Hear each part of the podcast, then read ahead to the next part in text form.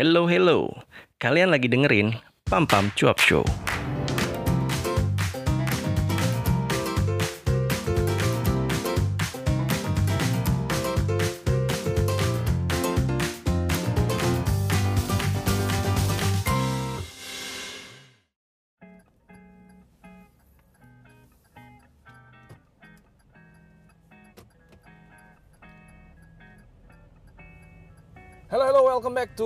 Pam Pam Cuap Show. Apa kabar? Apa kabar? Apa kabar?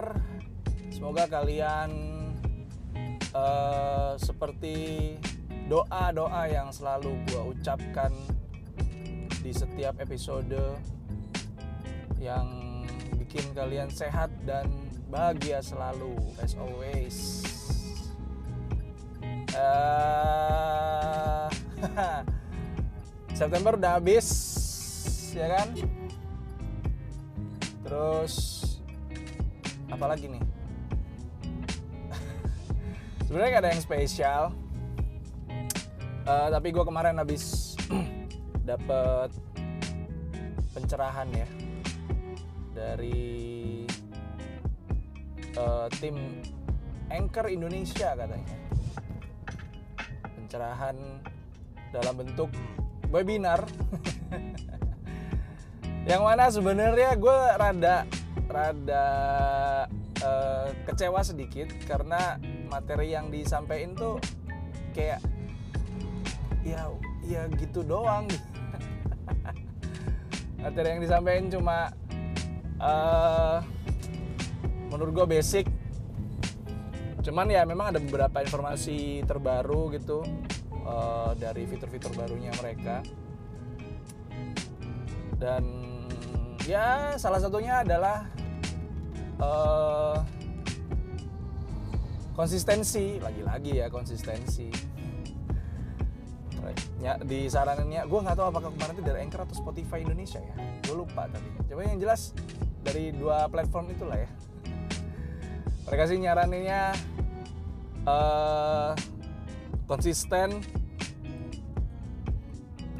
Kalau menurut mereka sih dari data yang mereka punya ya kalau kali eh, kalau kalian sebagai podcaster ngupload episodenya seminggu dua kali yang mana udah pernah gue lakuin juga.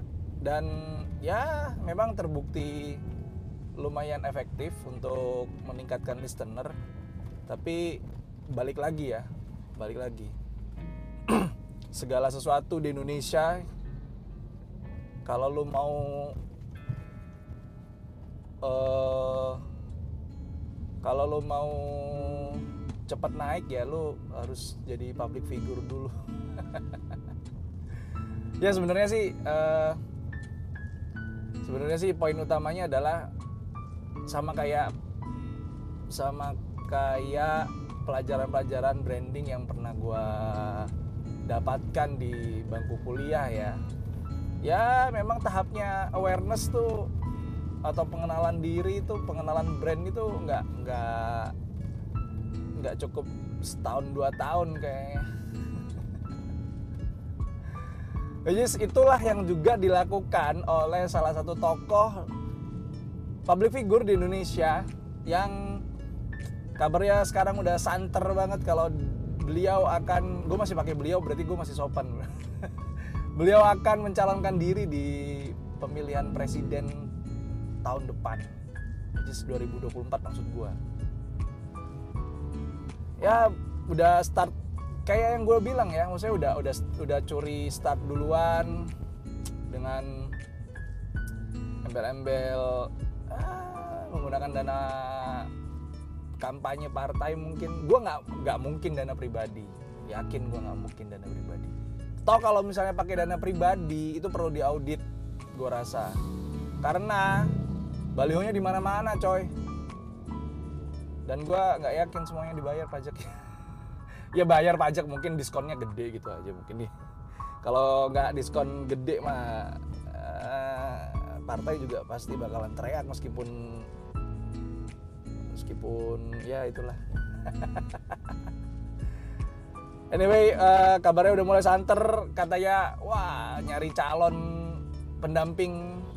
Udah kayak udah kayak mau taruh gue bilang. Yang ini saya cocok karena ya beginilah kami merakyat. Merakyat kalau pas kampanye merakyat. Turun ke rakyat. Habis gitu ke mana? Biasa lah ya udahlah ya.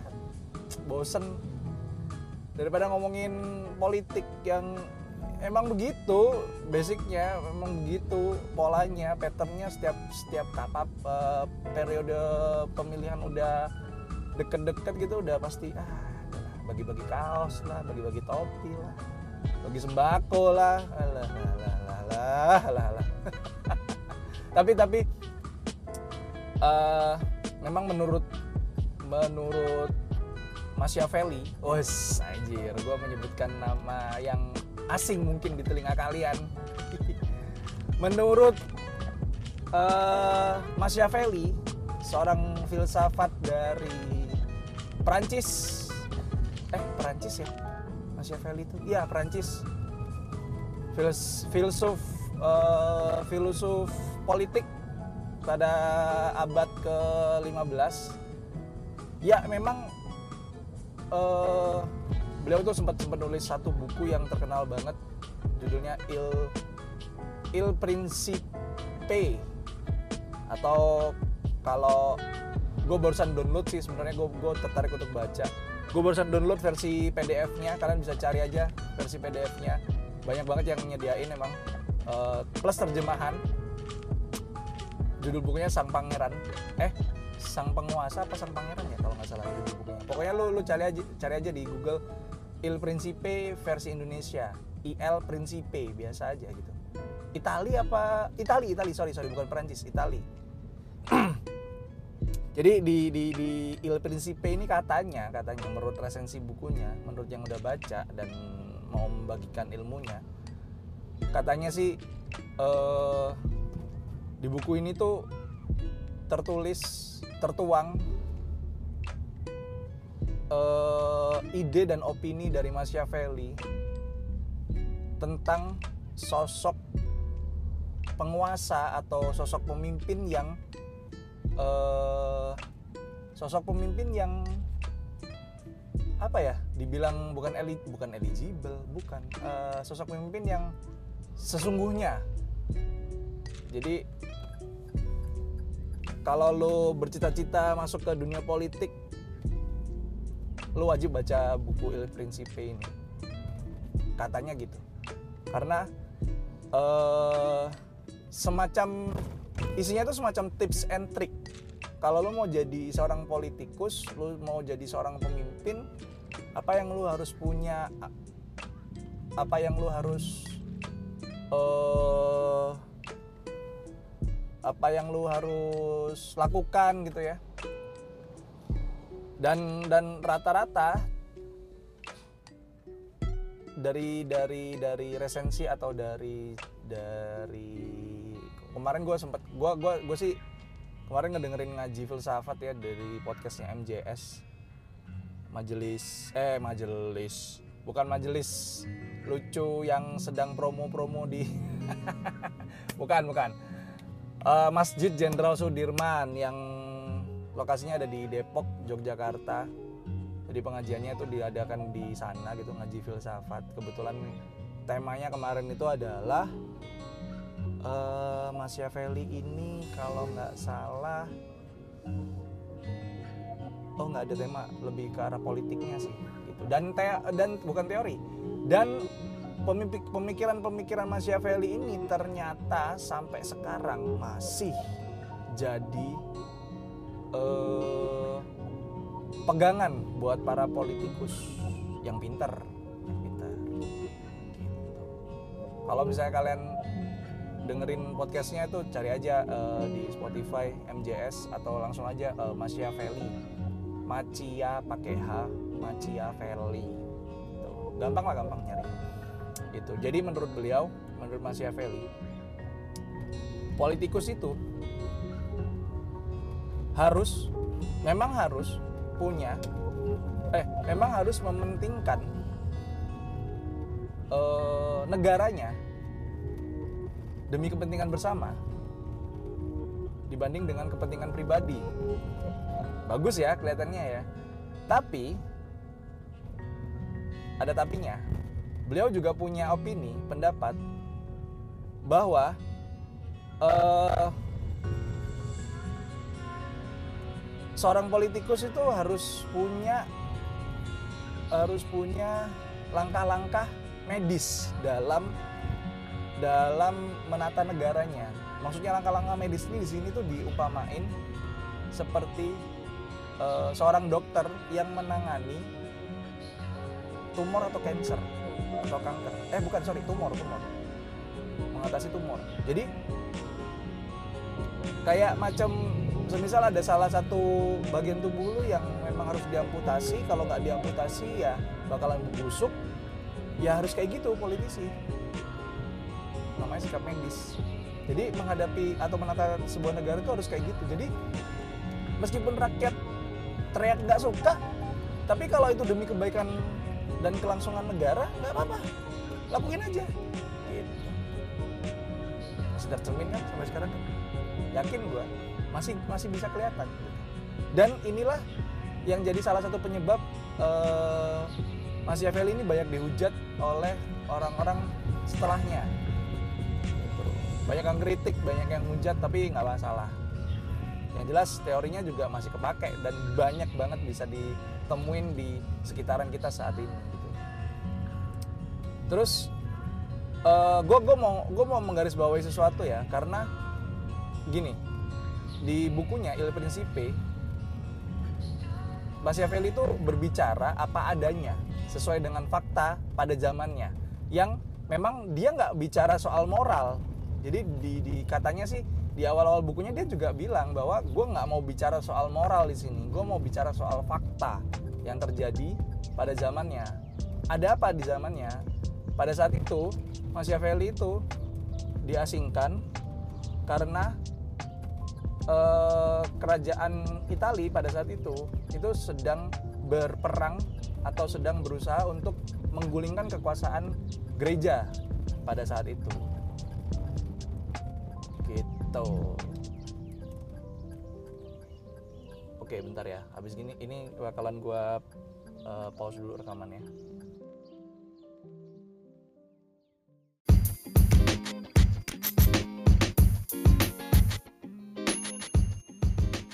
Hello, kalian merasa punya bakat dan ide liar di bidang olah suara kayak podcast, atau nyanyi, baca puisi, VO, atau bikin review-review buku, film, series, makanan, sampai ke kopi hitam di warung favorit kalian, tapi masih minder buat bikin channel konten sendiri? Tenang, solusinya adalah Bakso. Segera di Pam Cuap Show.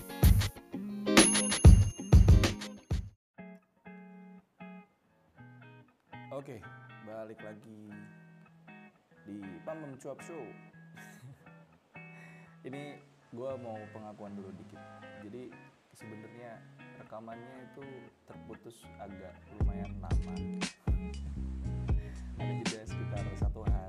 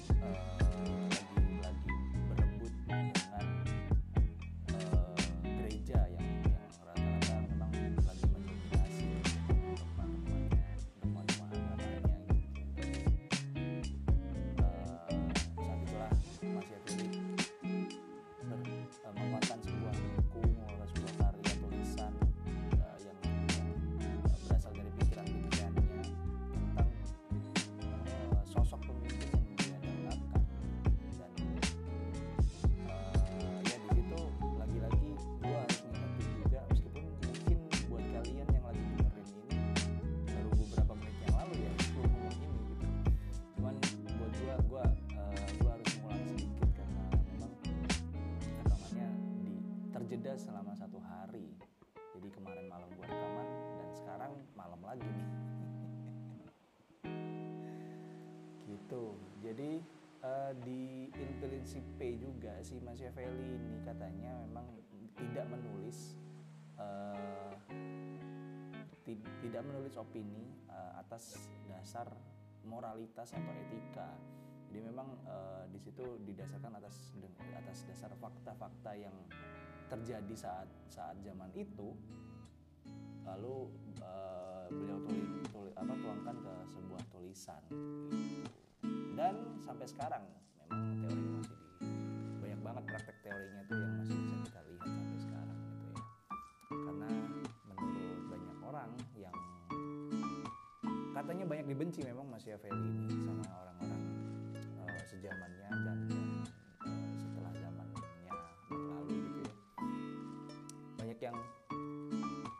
setuju dengan teori atau atau opini atau atau argumennya Machiavelli di LBCP tapi nyatanya dunia politik kita ya bener-bener yang tercermin banget gitu. Gua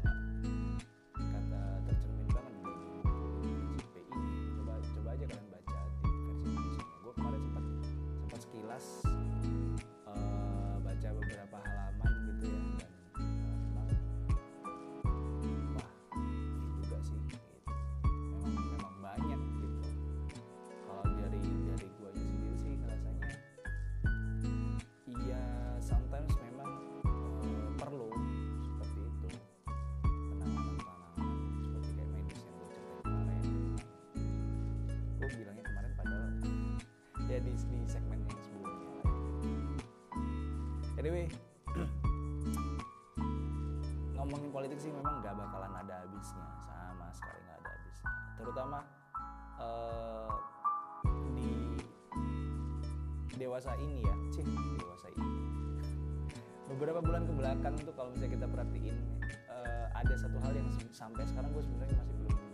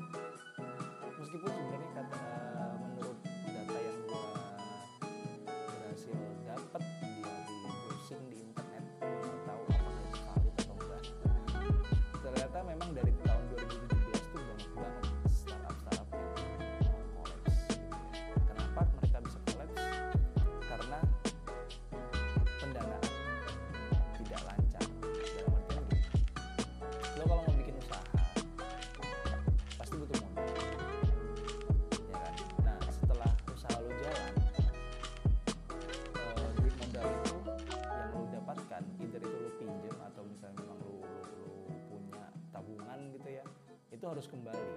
Dan kembalinya kalau eh, usaha yang bagus itu nggak hanya 100% tapi harus 200% kenapa gue bilang 200% logikanya pada saat usaha lo udah jalan kalau lu cuma bisa balikin modal 100% otomatis lu sebenarnya tidak beruntung tidak dapat keuntungan sama sekali.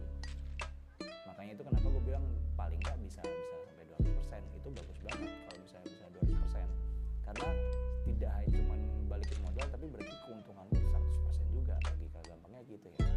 Nah selain ke, eh, selain keuntungan itu juga sebenarnya 200% pun 200% pun itu sebenarnya kalau misalnya mau dibilang ya kurang juga sama aja. Karena pada saat lu punya modal balik 100% otomatis modal ini kan akan jadi either itu lu mau putar lagi untuk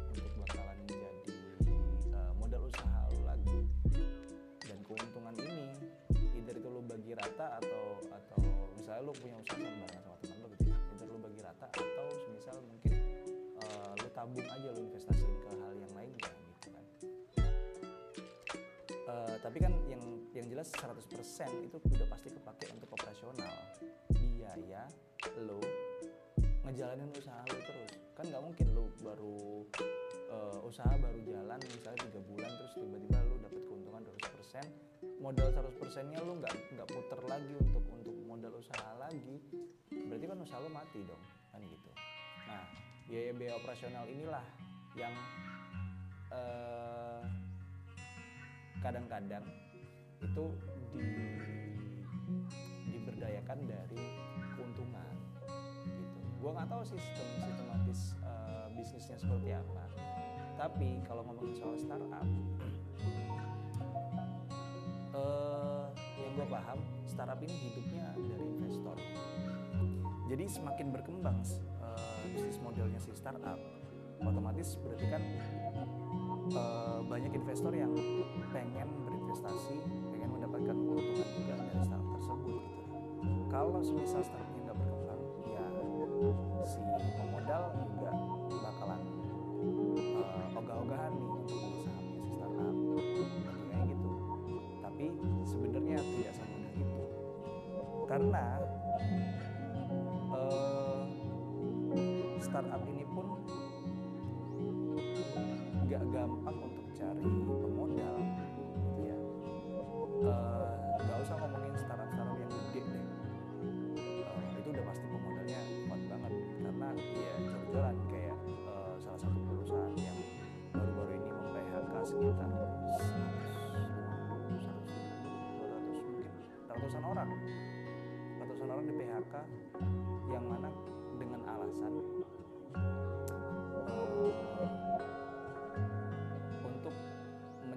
bisnisnya. Dan itu masuk akal buat gua. Gitu. uh, yang gede aja yang gede aja yang udah ketahuan gede dan pemodalnya udah ketahuan banget kuat karena dia merupakan grup ya. Jadi startup e-commerce ini hanya salah satu bisnis dari grup tersebut. Bisa bisa sampai punya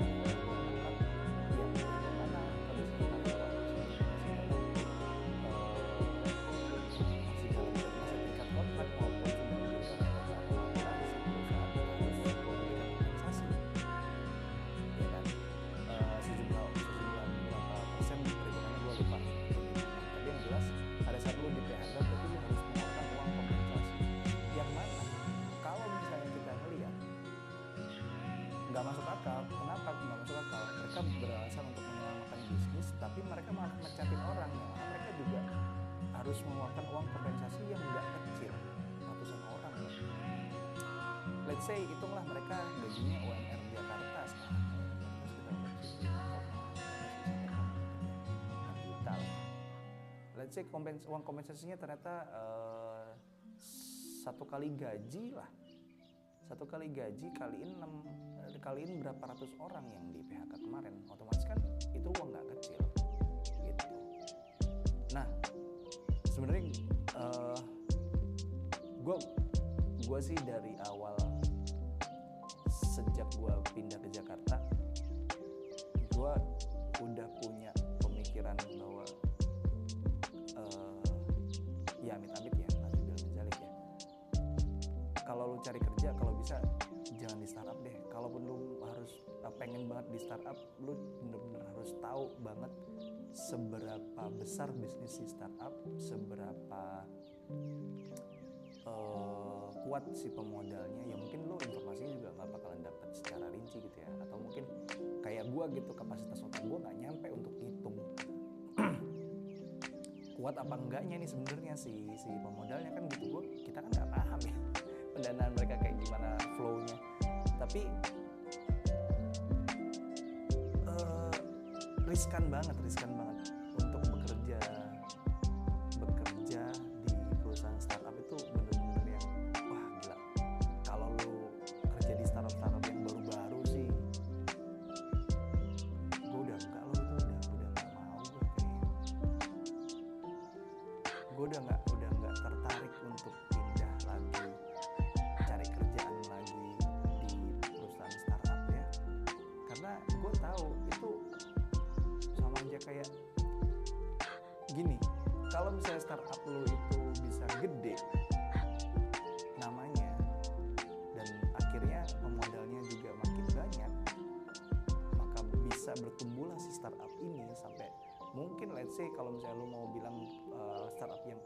saat ini ya Gojek yang mana uh, itu pemodalnya juga nggak nggak cuman satu orang dua orang gitu kan. Ya mungkin memang pemodal utamanya gitu kan pemilik utamanya. Tapi pemodalnya tuh sekarang udah gila. Gojek apalagi sekarang sahamnya udah bisa dibeli di aplikasi gitu kan. Jadi makin semakin terbukanya sebuah startup eh, sampai kayak gitu itu Gojek sekarang dekakorn ya bukan unicorn lagi ya. Kayak dekakorn kayaknya. Kalau nggak salah dekakorn tuh keuntungannya tuh satu per tahunnya tuh kayak di atas 10 tri 10 t harusnya ya. Nah kalau udah gede kayak gini sih kalau gue bilang ya bukan bukan bukan tidak ada resiko malah. Justru malah makin beresiko karena sekalinya jatuh atau misalnya kesandung sesuatu gitu ya gila itu bis- bisa bisa turun sampai unicorn lagi kali jadi jadi nggak dekakorn lagi gitu. Para pemodal juga pasti lari lah. Karena itu tadi pasar saham itu kalau misalnya dianalogiin ya kayak eh, kayak panci sama air. Jadi pak eh, si pemodal ini itu kayak kayak air di dalam panci yang di lagi dipanasin airnya lagi di lagi dimasak airnya. Pada saat eh, semakin panas dia semakin panas si panci yang mana panci ini gue analogiin sebagai si startupnya. Semakin panas si panci maka makin semakin banyak uap yang bakalan lepas. Maksudnya airnya bakal berkurang jadi uap kan tapi eh, kalau misalnya si pancinya nggak panas maksudnya airnya nggak nggak dimatengin airnya nggak dimasak iya akhirnya si pemodal pun nggak akan bergerak ke mana-mana juga gitu. Di situ aja stuck nggak airnya nggak nambah nggak berkurang kan gitu. Diem aja stuck gitu. Jadi ya memang harus dipanaskan tetap dipanaskan dengan takaran suhu yang pas. Dengan dengan, dengan besaran api yang pas. Supaya matangnya nggak terlalu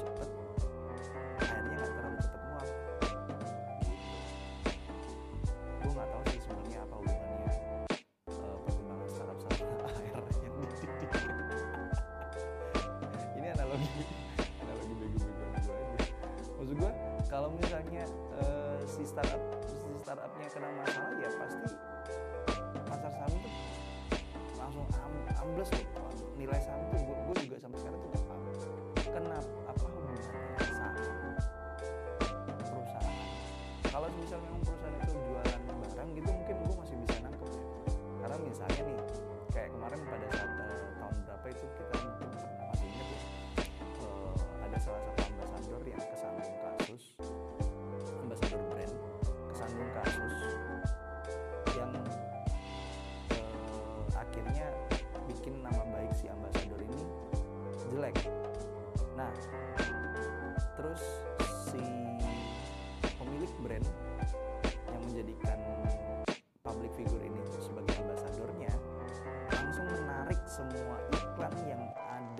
wajah si public figure dari TV ya kan ditarik semua iklannya supaya orang nggak lagi melihat wajah si public figure yang lagi kesandung kasus itu sebagai uh, brand ambassador produknya gitu. Nah, kenapa kayak gitu? Karena pada saat ada public figure yang kesandung kasus otomatis namanya jelek, akhirnya publik akan menilai bahwa yang semua yang menempel pada si public figure itu jelek. Pasti itu, mungkin enggak. Ya, uh, apalagi masyarakat kita ya gampang banget gitu dikompor-komporin. Padahal sebenarnya nggak ada hubungannya. Kan si public figure juga kan bukan seseorang yang membuat produk itu, nggak nggak membuat formulanya, nggak bikin produk itu jadi makin enak kan gitu. Tapi karena si public figure ini punya masa atau punya nama juga yang mana citranya lagi jelek, dikhawatirkan brandnya juga ikut jelek akhirnya ditarik semua iklannya semua wajah iklan-iklan yang ada wajah brand ambassador ini ditarik semuanya ganti langsung brand ambassadornya kalau produk gue masih masih bisa tahu. Kenapa? Karena pada saat bahkan mungkin brand ambassadornya yang kesandung kasus eh, saham si saham si perusahaan yang punya produk ini pun ikutan anjlok. Kenapa? Karena para pemodal takut kalau duit gua kecantol di sini pada akhirnya produknya diboykot nggak boleh tayang nggak boleh nggak boleh dijual lagi di Indonesia gitu ya. Akhirnya merugi. Dan ruginya nggak mungkin kecil. Nah daripada duit gua ke, ke sangkut di pasar saham untuk produk ini untuk brand ini untuk perusahaan ini ya mendingan gua tarik. Gitu. Pasti bakalan anjlok meskipun cuma satu persen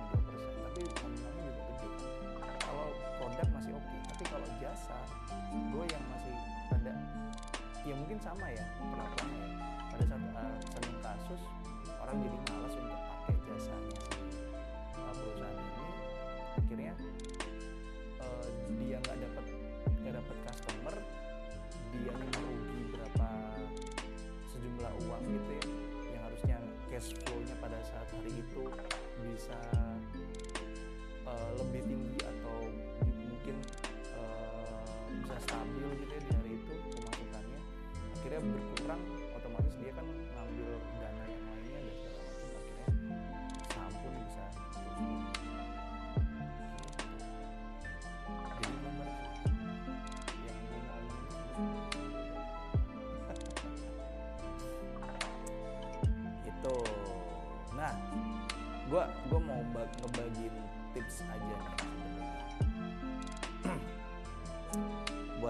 kalian-kalian yang yang uh, mungkin baru baru banget mau cari kerja atau baru banget mau tekan kontrak nih ya. Uh, gue saranin sih pertimbangin lagi kalau memang uh, kalian kerja di startup. Ini gue bukan nakut nakutin sebenarnya enggak. Uh, tapi secara logika yang di kantor yang memang bukan startup ya maksudnya perusahaan besar ini sepengalaman pribadi ya maksudnya di perusahaan besar pun saat lo diangkat jadi karyawan bahkan uh, mungkin bisa dibilang karyawan reguler reguler dalam artian karyawan inti dari perusahaan besar pun itu nggak ada jaminan. Dalam artian nggak ada jaminan lo uh, bisa diberhentikan tiba-tiba gitu. Itu nggak ada jaminannya. Mes, even lu, lu lu lu pegang kontraknya gitu kan. Apalagi lu masih kontrak. Perusahaan itu bisa aja kalau misalnya masih kontrak tuh kayaknya bisa bisa banget. Bahkan yang yang udah I mean logikanya lo di perusahaan yang uh, lebih lebih stabil lebih lebih prestisius gitu ya itu aja bisa diberhentiin apalagi lo startup yang mana memang uh, apa ya mereka bisa bergerak tuh kalau mereka ada pemodal. Gue bukan bilang bahwa perusahaan-perusahaan besar yang lainnya produsen-produsen barang elektronik atau produsen eh, F&B lah atau alat apa barang-barang keseharian kita kayak sabun sampo dan segala macam itu nggak ada nggak ada investornya enggak. Tapi skalanya investornya beda startup time. gitu. Skalanya beda jauh, jauh. Jadi please be careful. Eh, pikir-pikir mateng aja. Tapi kalau memang kalian yakin ya sudah nggak apa-apa. Jalan aja. Gitu. Gitu sih.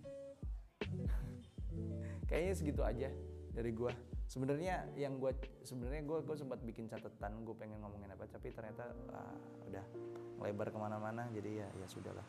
Oh ya eh gue sebenarnya pengen ngomongin soal jenjang karir di episode kali ini. Cuman eh gue pengen ngebagiin tips ya gimana caranya sih sebenarnya eh, kita eh, bisa punya karir gitu di sebuah perusahaan Eh, mungkin mungkin ringkas aja kali ya. Kalau gue sih gini. Gue gua gua pengen kasih pesan ke, ke, ke kalian yang yang baru baru mau nyari kerja ataupun baru mau kerja. Ya. yang pertama kalau kalau baru mau cari kerja cari dulu kerjaannya. Cari dulu kerjaannya.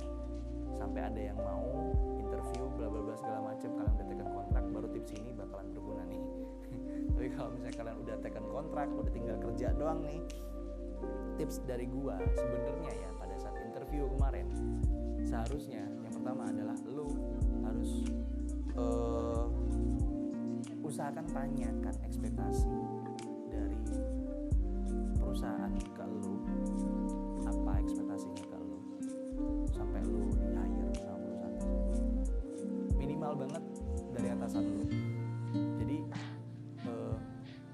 sebenarnya kalau boleh tahu lu tuh diterima itu karena apa?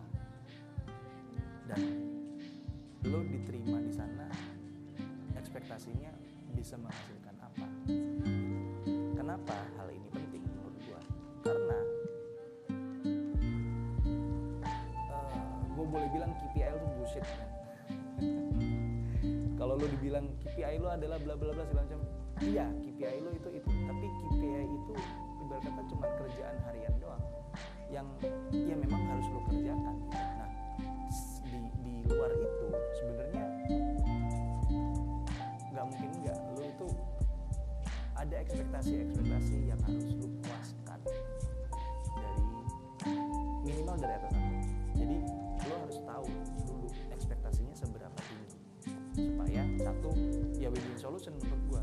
Supaya lu bisa tahu nih seberapa tinggi mereka yang mereka inginkan dari lu dan lu juga bisa eh, counterback counterback dalam artian lu juga harus bisa ngasih tahu nih kapasitas lu seberapa supaya mereka juga tahu oh kalau gua berekspektasi se, eh, selevel ini apakah dia mampu gitu. Jadi menurut gua kalau interview doang tuh nggak bisa user atau atasan lu itu nggak bisa langsung menilai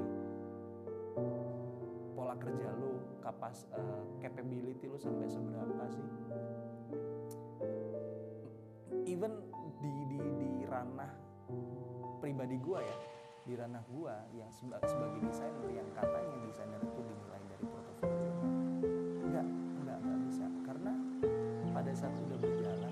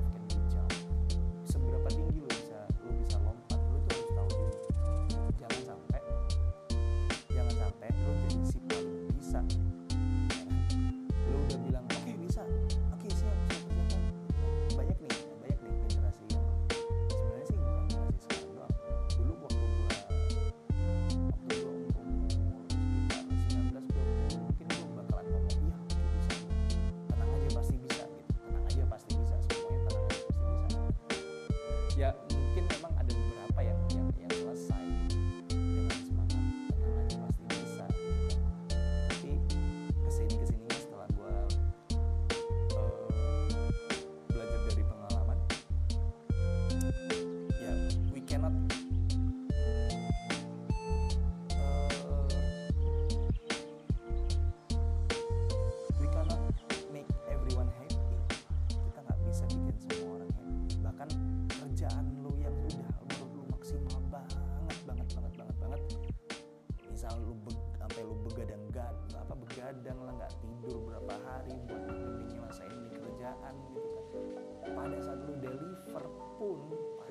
satu dua orang yang ah kalau udah udah gue bisa gitu.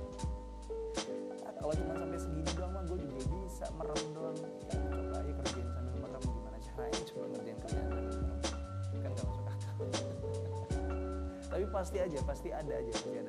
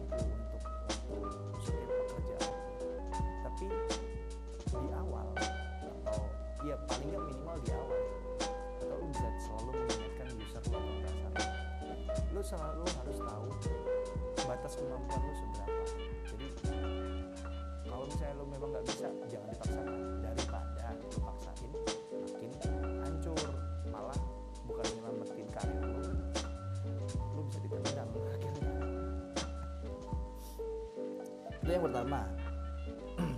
Jadi uh, know yourself. Know yourself it's it's it's really important.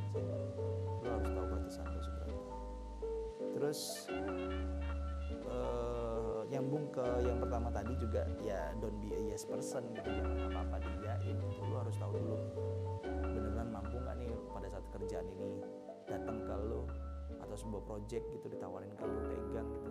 Lo beneran mampu nggak nih uh, beneran mampu nggak buat buat megang nih project buat buat nyelesain nih project gitu. Lagi-lagi pada saat seperti itu saran gue adalah tanyakan goalnya apa ekspektasinya seberapa.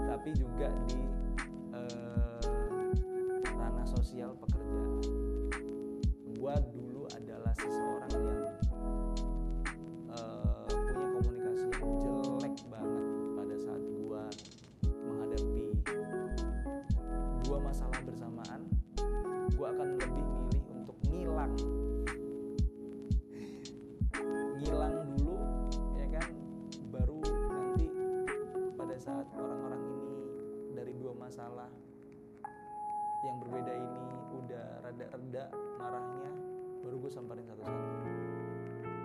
Ya mungkin jeleknya gue di situ. Atau bahkan gue ngilang sama sekali. Nggak nggak mau menyelesaikan sama sekali. Gue anggap masalahnya nggak ada. Biasanya gitu. Tergantung seberapa penting uh, masalah itu. Tapi gue menyesali hal itu.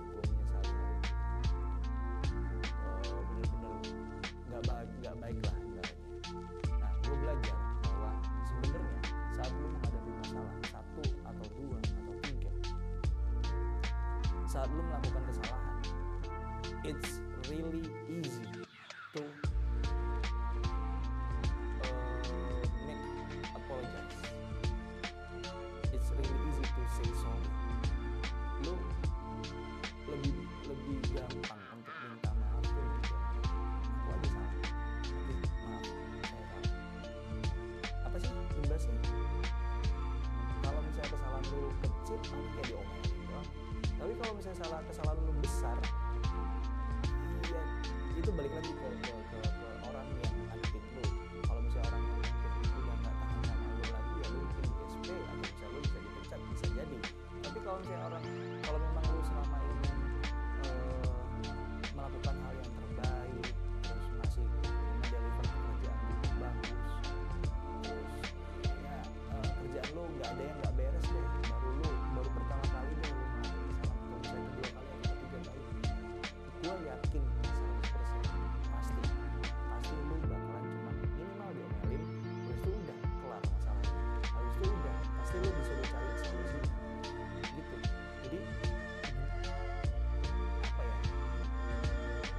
israeli of Cain to say something.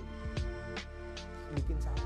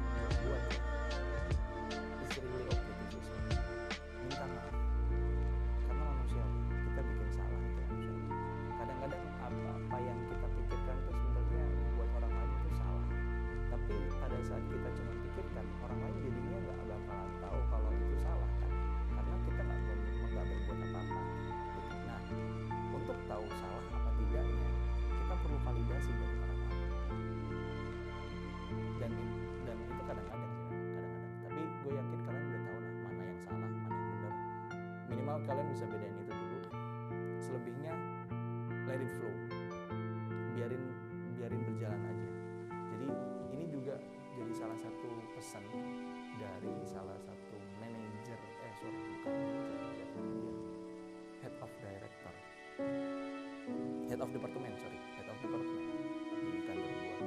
Yang mana beliau tuh sempat pesan ke timnya ke departemen. Beliau pesan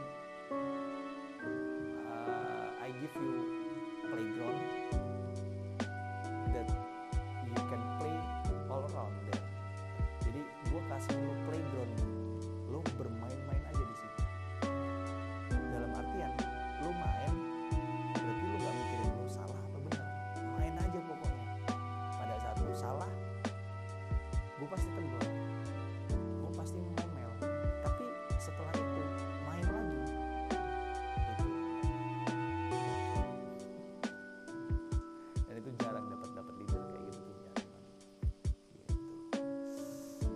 segitu aja.